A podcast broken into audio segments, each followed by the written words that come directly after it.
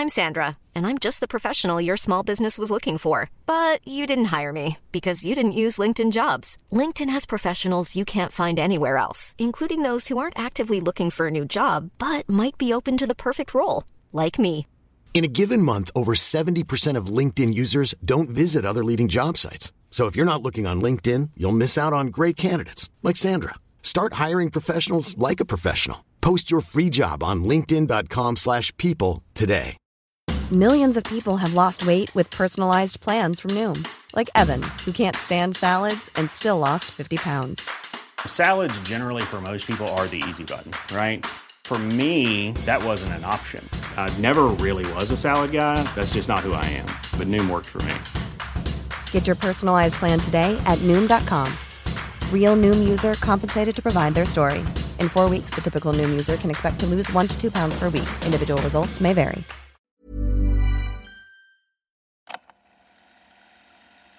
Du lyssnar på en produktion av Novel Studios.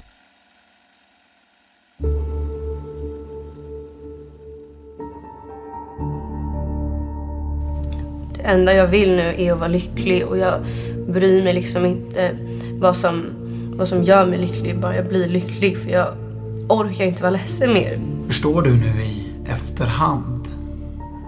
Det blev en hel del press på honom. Jag har sagt att jag inte klarar av att göra det men då har hon sagt att det är det enda, alltså att det, det är den enda utvägen eller så. Det är enda sättet för mig att få... Ja, nu, när man läser smsen så får jag en känsla av att han får en deadline. Hon sa... Nu har vi i alla fall varandra. Och han sa det att eh, ja men skulle det kännas bättre ifall alltså ifall hon försvann. Det här är Förhörsrummet. I den här serien, som består av fem delar, hör vi polisförhör från fallet Therese Johansson Rojo. Du lyssnar på den femte och sista delen.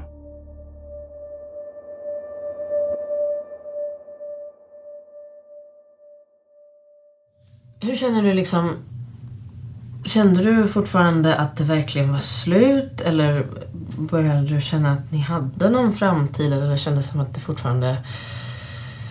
Eller kändes det fortfarande att det, det, det kommer att bli vi igen? Ja. Det kommer att bli vi igen? Mm. Mm. För han har skrivit på sms att han blir så glad att han får en chans till. Mm. När är det liksom? Alltså jag, jag vet inte det. Det jättesvårt att komma ihåg precis när det var. Det blev så himla mycket sms men jag vet att vi pratade om det och han sa att han verkligen ville alltså, fixa vårt förhållande om jag bara ger honom en chans. Och jag gjorde det men jag kände aldrig att jag ville det. Men det är liksom... Så jag kan inte riktigt säga nej till honom sådär. När han, när han säger någonting så är det liksom så. Hur menar du då eh, när du säger att du inte kan säga nej till honom? Mm, det brukar alltid vara så ifall han... Alltså ifall han vill någonting, vill ha någonting så så får han det. Och det gäller inte bara mig utan det, det är liksom, han, han får nästan allt det han vill ha. Det är verkligen... Eh, han gör väl någonting som gör att det blir så. Det har gått tio dagar sedan festen vid Hoppbacken. Idag är dagen när Therese skulle ha fyllt 16 år. Emil har i tidigare förhör erkänt att han dödat henne och att han känt sig pressad av sin flickvän att göra det. Hanna berättar att hennes förtroende för Emil varit förstört i och med att Emil varit otrogen. Men menar att hon inte kunde få honom att förstå att deras relation var slut. Samtidigt skickar Hanna många sms till Emil där hon uppmanar honom att göra det han lovat. Men hon säger själv att det är för att hon inte tror att han kommer att göra det. Och att hon då kommer kunna lämna honom en gång för alla. I det sista avsnittet hör vi de avslutande förhören med Hanna och Emil. Förhör med Hanna den 17 juni 2009.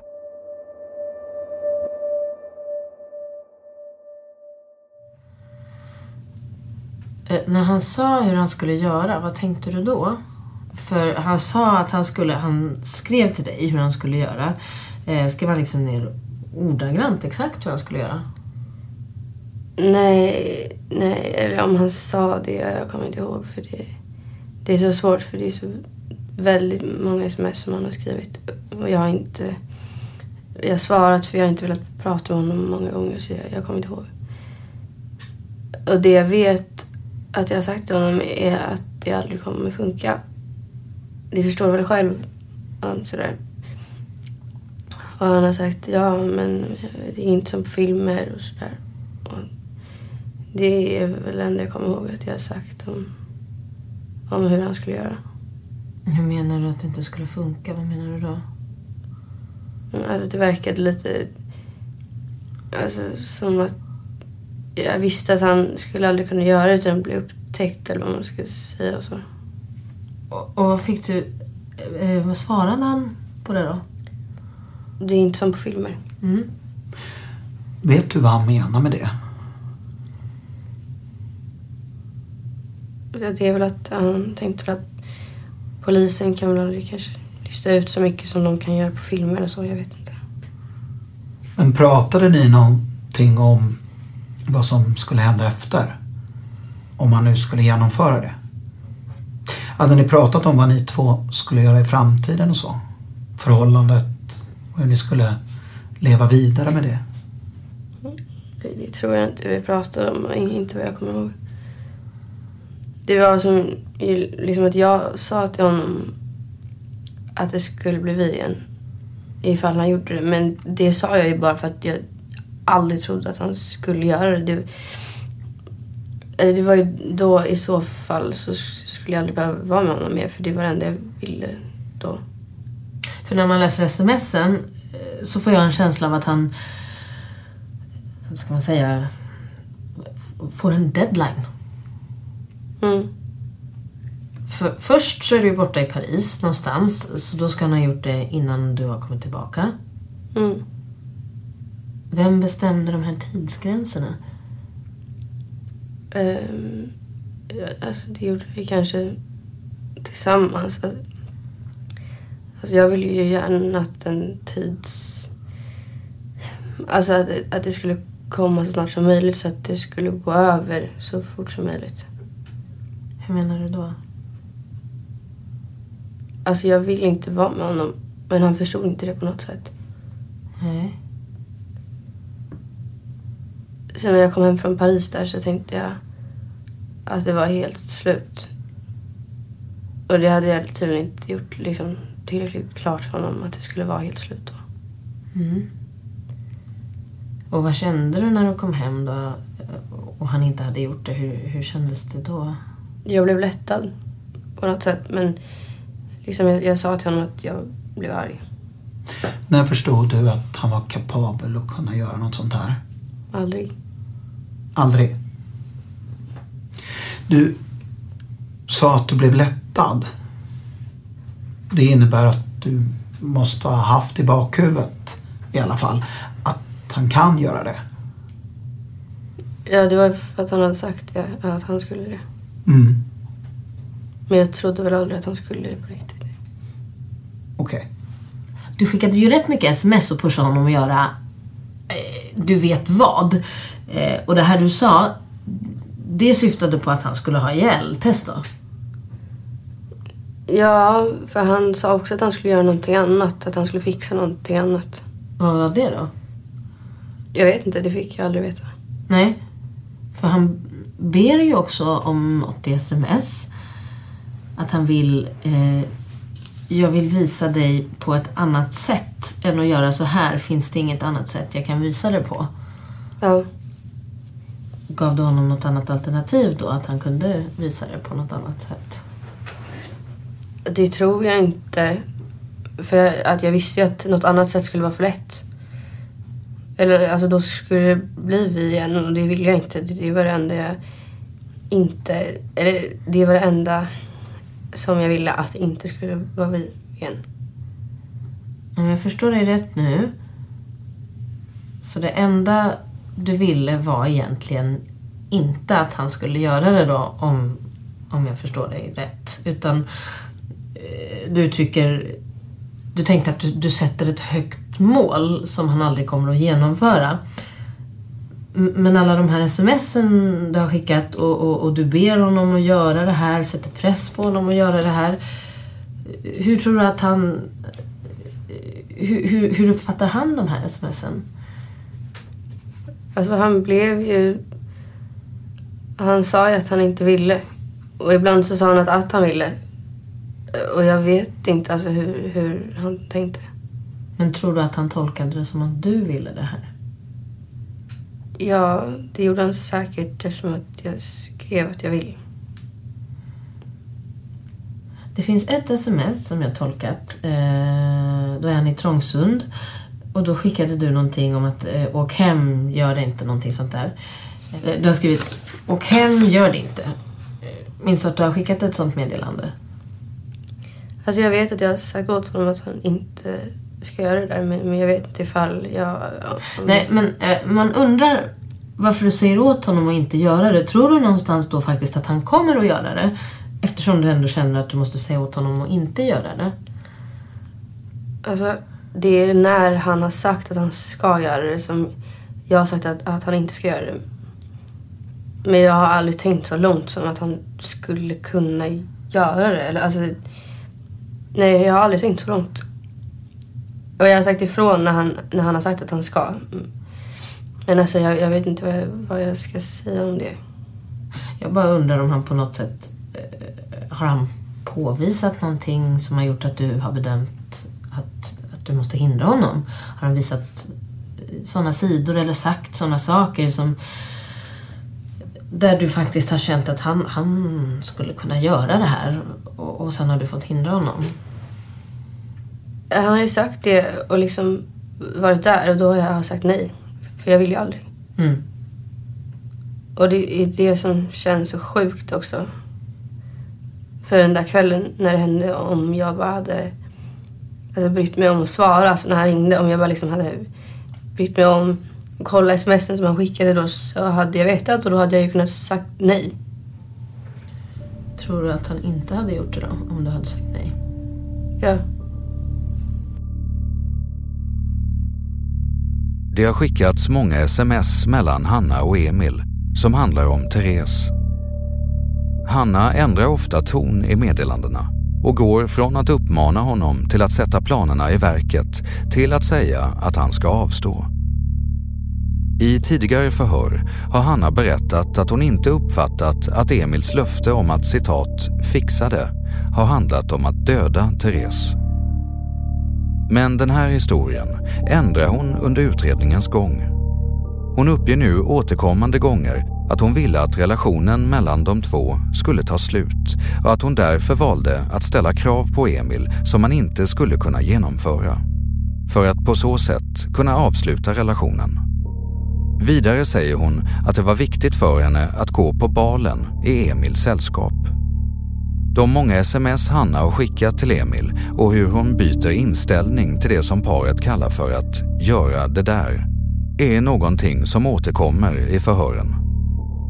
De gånger Emil ber henne om att få visa sin kärlek på ett annat sätt uppmanar hon honom att genomföra handlingen. Men när Emil visar sig vara villig att göra det säger hon istället att hon stoppar honom.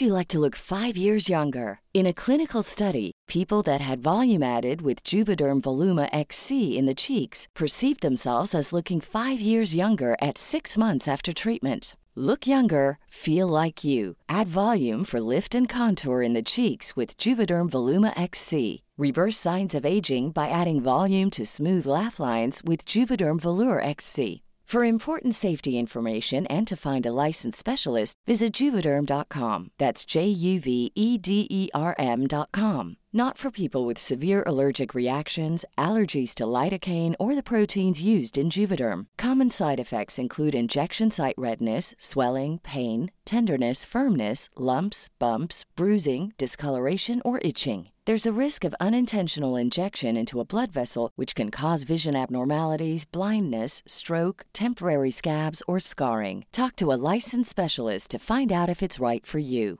Hiring for your small business? If you're not looking for professionals on LinkedIn, you're looking in the wrong place. That's like looking for your car keys in a fish tank. LinkedIn helps you hire professionals you can't find anywhere else, even those who aren't actively searching for a new job but might be open to the perfect role. In a given month, over 70% of LinkedIn users don't even visit other leading job sites. So start looking in the right place. With LinkedIn, you can hire professionals like a professional. Post your free job on linkedin.com slash people today. Millions of people have lost weight with personalized plans from Noom. Like Evan, who can't stand salads and still lost 50 pounds. Salads, generally, for most people, are the easy button, right? For me, that wasn't an option. I never really was a salad guy. That's just not who I am. But Noom worked for me. Get your personalized plan today at Noom.com. Real Noom user compensated to provide their story. In four weeks, the typical Noom user can expect to lose one to two pounds per week. Individual results may vary.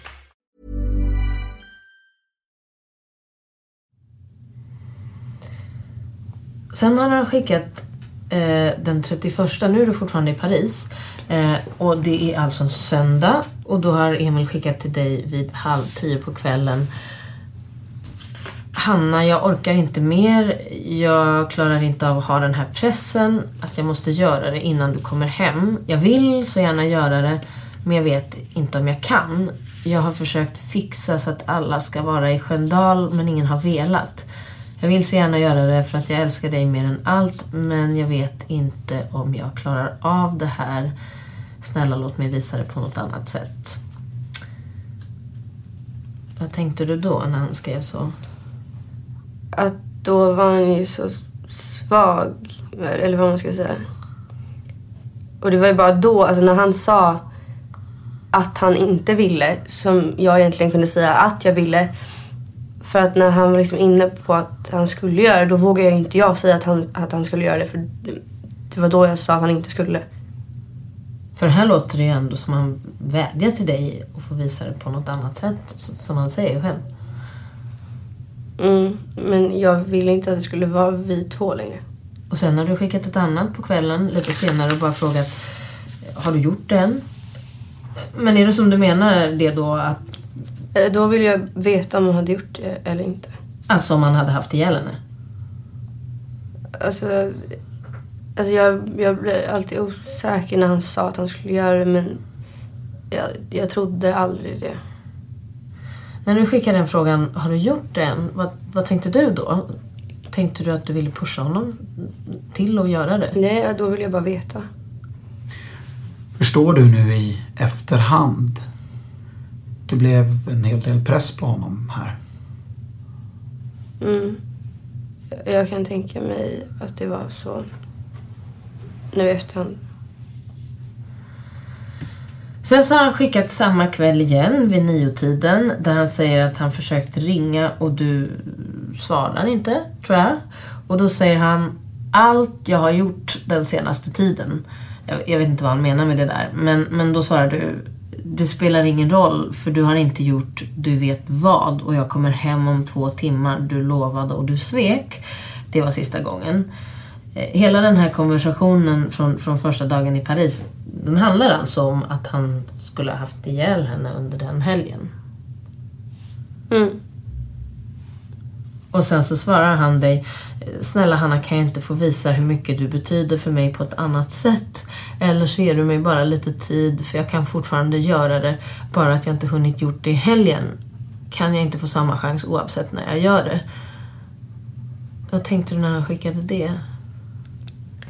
Det kommer jag inte ihåg. Alltså jag, jag vet ju att den dagen äh, jag kom hem från Paris så sa han... Alltså då var det ju slut i mitt huvud. Och det var ju det som syftet var. Mm. Att han skulle inte göra det och, och då skulle jag äntligen kunna säga att det var slut. Mm.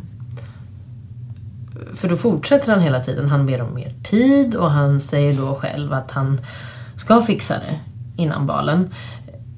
Är det någonting som han själv sätter upp som mål eller kommer ni två överens om att han ska få en chans till och att han får fram till balen på sig? Nej, alltså jag vill inte det. Jag, jag, vill, jag vill verkligen bara att det skulle ta slut. Mm. Alltså, då. Men, men som jag sa, han fortsatte ju. Till slut så var jag tvungen, eller var jag tvungen att förklara för honom att alltså, det måste finnas en gräns. Och så.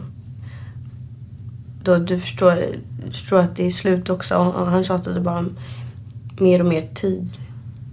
Alltså jag orkade inte. Jag, jag orkade liksom inte hålla emot mer än att jag... Alltså det, det var slut för han lyssnade inte fast jag sa det. Men du bestämde dig sen då att, att fram till balen har han på sig?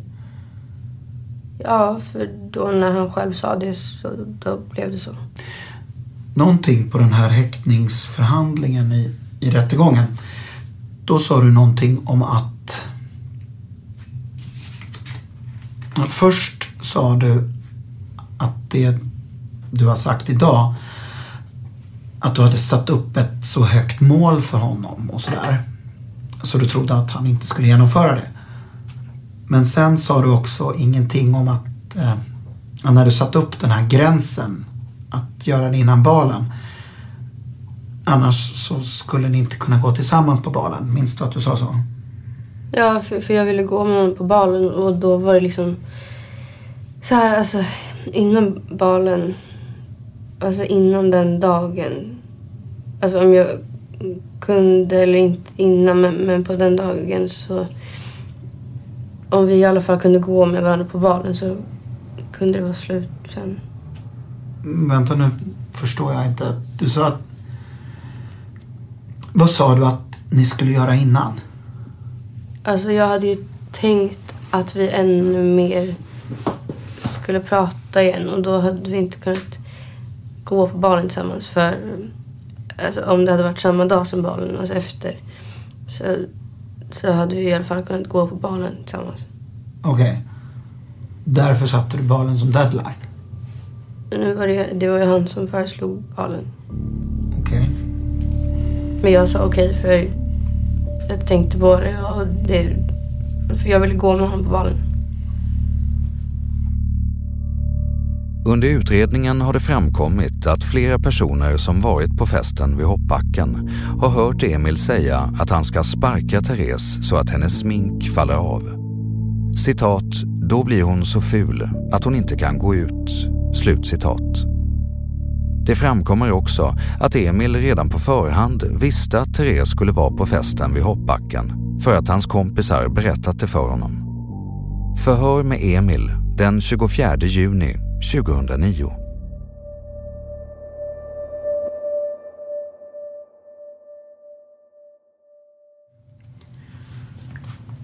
Vad tänkte du då? Efter att du visste att hon skulle dit? Jag tänkte inget speciellt. Jag tänkte mer liksom att... Alltså när jag frågade henne menade jag bara liksom killkompisar, vilka som skulle dit. Men så, så skrev han ju att han inte visste några fler så då tänkte jag bara liksom att det kommer säkert fler dit. För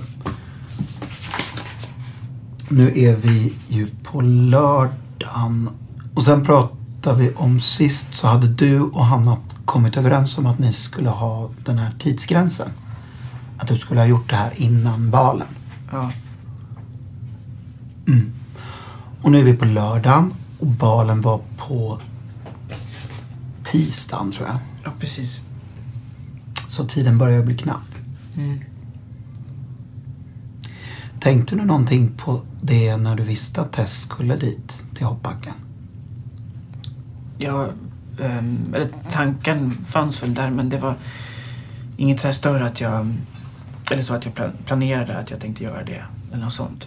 Utan det var mer att liksom, ja. Men du. Mm. Eh, då är det ju så här att eh, 1916 ja. Då har du skickat ett sms till Hanna och där säger du så här Hej, tänkte bara säga att jag snart är i Gullmars nu. Har åkt från Tyresö för att se matchen hos Petter och min mamma skulle höra av sig för hon verkade misstänksam. Kommer du ihåg det här smset? Nej, inget större så. Då kommer du inte ihåg heller vad du skrev mer i det här smset då? Nej, inte... För då har du även skrivit så här. Men om hon är där så fixar jag det ikväll, annars tar jag reda på vart hon är. Okej. Vad menade du med det? Ja, jag menar väl det som står, eller? Ja, men... Ja. Men, mm, men när du pratar om att hon är där, Ja. är det Tess alltså? Ja. Och så skriver du så fixar jag det ikväll och vad avser du med det då? Ja, det som Hanna då har bett mig om. Mm. Så du vill alltså påstå att om du skulle skriva det här med klartext då eh, att om Tess är där ikväll så kommer jag att döda henne? Ja, vad jag menade då. Är det så vi ska tolka det här? Ja, det är det jag har skrivit, eller så. Mm, men eh, det är därför det är så viktigt att du själv liksom får tala om vad du menar när du skriver. Ja. Ja, för vi kan ju tolka det på olika sätt men, men det är ju du som ytterst kan tala om vad du har menat. Ja. Men har vi förstått det rätt om vi gör den här tolkningen utav det här som vi har sagt? Ja. Och då var det alltså redan 19.16 eh, när du var på väg hem? Ja, precis. Vad svarade Hanna någonting på det då? Det minns jag inte. Eller pratade ni om det där smset strax efteråt?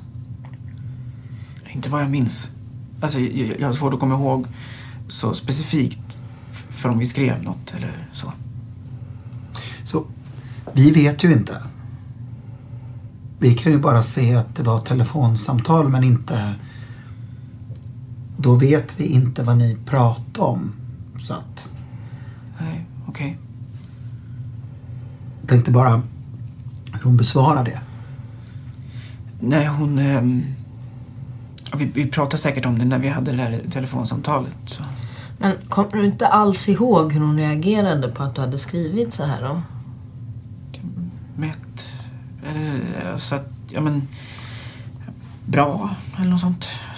Alltså jag vill ju veta hur hon reagerade för att oavsett vem som får ett sånt här meddelande så måste man ju reagera på det. Och, och, och det där menar, om du så här pratar med henne i telefon, om hon har sagt någonting om det. Försök att komma ihåg vad hon säger och hur hon uttrycker sig.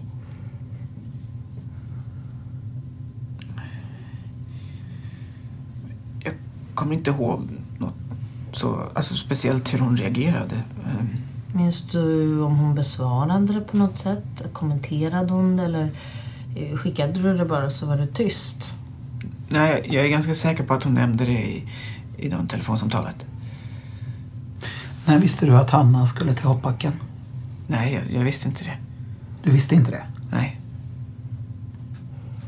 Pratade ni någonting om det eller var det du som bad att hon skulle åka dit eller hur? Nej, vi hade, eller jag hade ingen aning om att hon skulle dit när hon kom dit.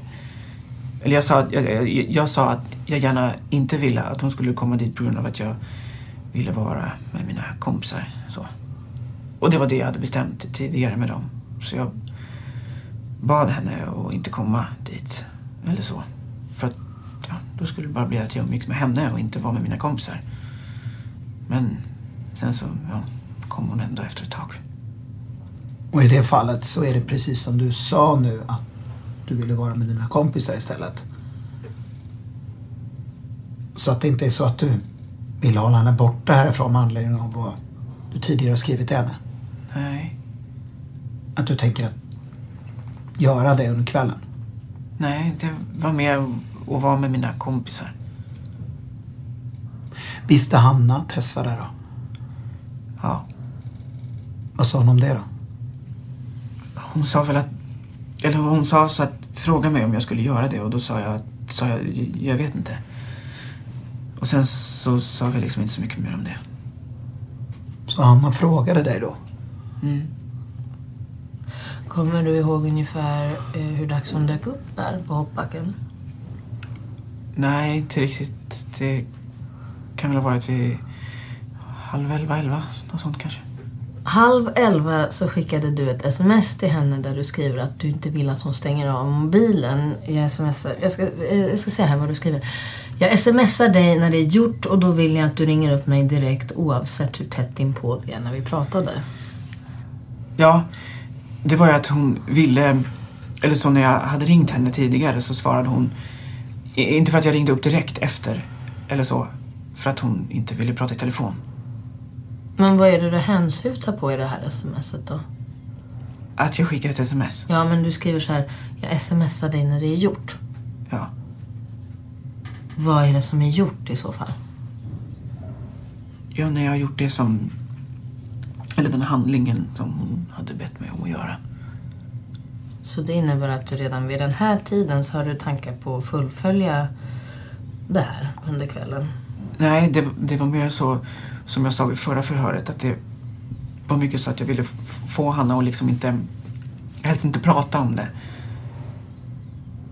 Alltså så hon skulle tro att jag, att jag höll på att göra det eller så. Men jag fortsatte bara umgås med mina kompisar som innan. Men om du nu hela tiden har den här inställningen att du gör allt det här för att tillfredsställa Hanna, så att säga. Du skickar de här smsen, du sitter ute i Trångsund och allting. Varför har du helt enkelt inte kunnat sagt till henne det här är helt omöjligt, jag, jag kan inte göra det? Jag har sagt att jag inte klarar av att göra det men då har hon sagt att det är det enda, alltså att det, det är den enda utvägen. Eller så.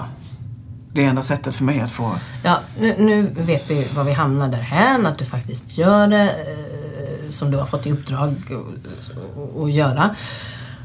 Och vad jag bara funderar över, det är liksom har inte du vid något tillfälle haft en tanke på att nej, nu får det vara nog. Vi kan inte hålla på så här. Jo, det har jag. Det är alltså... Mm, hela tiden sedan första gången hon sa det så har jag varit negativt inställd till det. Eller så har jag sagt att jag inte kan göra det och, och det måste finnas ett annat sätt som jag kan visa hur mycket jag tycker om henne på. Eller så. Men hon har ju varit inställd på att det, det har varit det enda sättet och jag har ju liksom... Ja. Det har ju varit så att jag liksom sagt till henne att nej, det, det funkar inte. Och jag kan inte göra det men... Ja, och sen så... Att det är mycket så att jag, jag ville eftersom hon sa att, att om jag inte gör det så kommer vi förlora kontakten och så. Jag kände att det, det skulle kunna bli bra ändå om om jag liksom... Ja, vi skulle kunna... Ja, vi skulle fortfarande gå på balen tillsammans. Och, ähm, då tänkte jag väl att om vi fortsätter att vara kompisar och så under balen och sen är det sommarlov. Så då tänkte jag att det skulle bli bra. Så det var mycket så att jag, jag ville... Jag ville inte säga nej, jag kommer aldrig göra det. Utan det var... Då sa jag istället vi får se. Eller så kanske. Och för att liksom fortsätta kunna vara med henne. Det finns olika typer av påföljder och som man kan få, få som ungdom. Då. Gunilla Blomberg är kriminalpolis och specialist och utbildare i förhörsteknik. Och det är framförallt ungdomstjänst, alltså att man döms till ungdomstjänst. Man får gå ut och jobba i samhället, göra goda saker för det man gjort. Ungdomsvård, man får något vårdprogram då. Det finns ju förstås också bara böter, ungdomsövervakning, sluten ungdomsvård, straffvarning, villkorlig dom. Alltså det finns mycket påföljder för ungdomar som man kan, kan lägga in. Och det gör ju socialtjänsten oftast en utredning vad som är lämpligt. Och det beslutas då i domstol hur det ska, hur det ska, hur det ska bli. Um, så sluten ungdomsvård, alltså det betyder att man blir inlåst på ett ställe med andra dömda ungdomar. Eh, och det kallas ungdomshem kan man säga. Och där sitter man då eh, ibland också även isolerad förstås. för Man kanske inte får träffa andra ungdomar då. Men meningen är i alla fall att man ska på något sätt kunna eh, Ja, man ska kunna gå till skolan där det kan fungera och så vidare. Det är inte alla det fungerar för, men det är ändå... Det, jag har ju varit på sluten ungdomsvård och återigen också en väldigt tuff miljö att befinna sig i. Så att Eh, och det finns ju för och nackdelar med allting, men där skapar man tyvärr också vissa nätverk. Då, som, som, så att det gäller ju att vi har en bra ungdomsvård och att vi ser till att de får hjälp och, och eh, blir coachade och får terapi och allt vad det kan innebära. För det är ju en väldigt tuff miljö att befinna sig på. Som, som, som ungdomsutredare så är det ju väldigt viktigt med kontakten med föräldrarna. Sen har jag alltid varit väldigt noga med och jag vill gärna, när det är lämpligt, att ha med faktiskt föräldrarna med i förhörsrummet. För att den, det är väl lite olika. Man är ju skyldig att följa med till polisstationen men man är ju egentligen inte skyldig att vara med på förhöret. Det kan vara olämpligt och lämpligt beroende på arten av brott, är klart.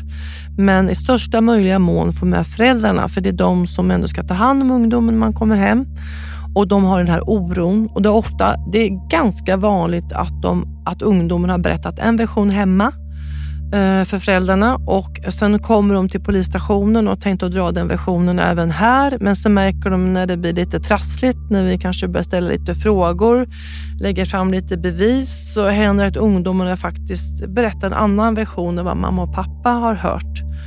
Och den reaktionen kan komma i förhörsrummet ibland från föräldrarna att det där har du inte sagt, har du ljugit för mig? Och så blir det lite skuldbeläggande på barnet då. då.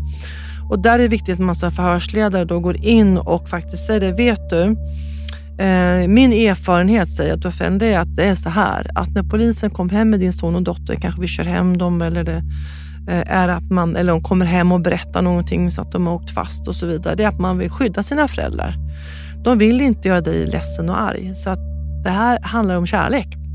Eh, för många föräldrar känner en form av skuld också, att de känner sig misslyckade. Liksom, så att de vill kanske inte ens höra talas om att barnen har gjort det här. Men eh, jag brukar säga det att liksom, när barnet har, om du nu väljer att berätta och väljer att ta på sig någonting så brukar du, du har en modig son och dotter och du ska vara stolt.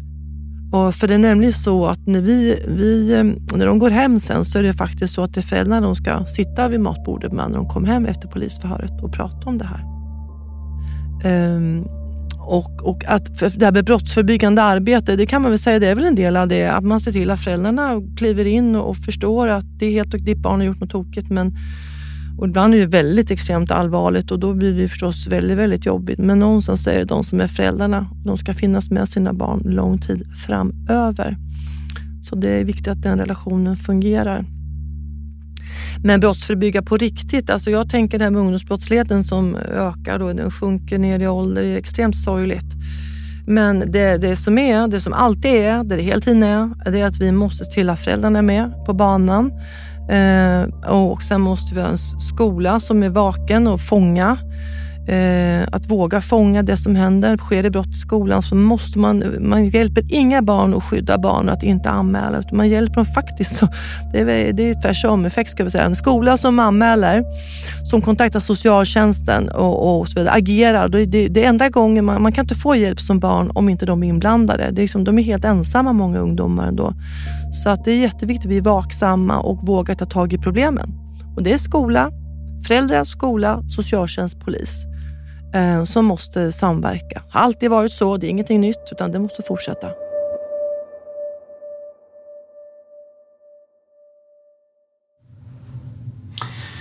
Den här pressen du pratar om, den var mycket större då när Hanna kom till hoppbacken. Ja. Pratade ni någon, något om det här? Inte särskilt mycket. Minns du vad ni sa? Bara liksom att eller då, då frågade hon igen om, om, om jag skulle göra det. Så, och då sa jag att jag inte visste. Ja, det var inte mycket mer än så. När du har det här samtalet med Hanna, eh, vi pratar om det. Mm. Eh, är det före eller efter du träffar Tess och går av sides första gången? Nej, det, det är efter. Det är efter? Ja. Nu när man har suttit och lyssnat eh, på det här som du har berättat om hela det här skedet under flera veckors tid och du säger att du gör det här för att egentligen tillfredsställa Hanna då. Du ringer henne, du åker ut till Trångsund, du skickar sms och allt möjligt. Men innerst inne så har du egentligen inte för avsikt att genomföra det här. Ändå går det som det går nu. Ja.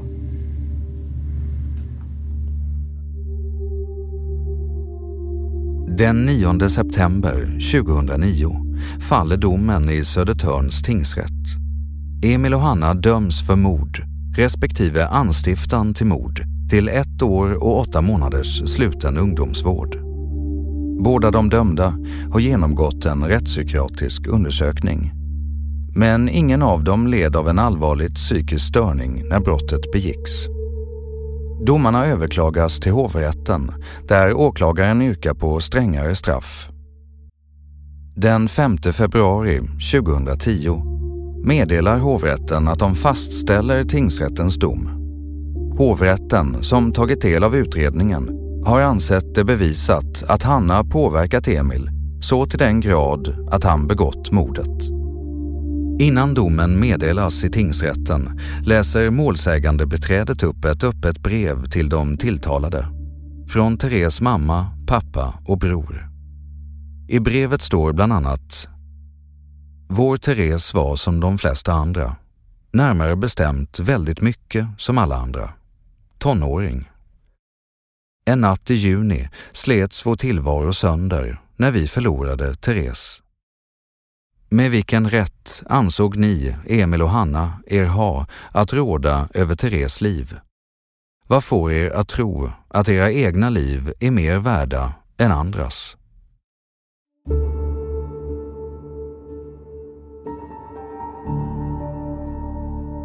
Du har lyssnat på Förhörsrummet och den femte och sista delen om Therese Johansson Rojo. I rollerna har vi hört Johan Marenius Nordahl som Emil, Felicia Truedsson som Hanna och Josefin Wistedt och Fredrik Lundqvist som förhörsledare samt Filip Eliasson som advokat. Vi har även hört Gunilla Blomberg. Emil och Hanna heter egentligen någonting annat. Förhörsrummet är en produktion av Novel Studios. Tack för att du har lyssnat.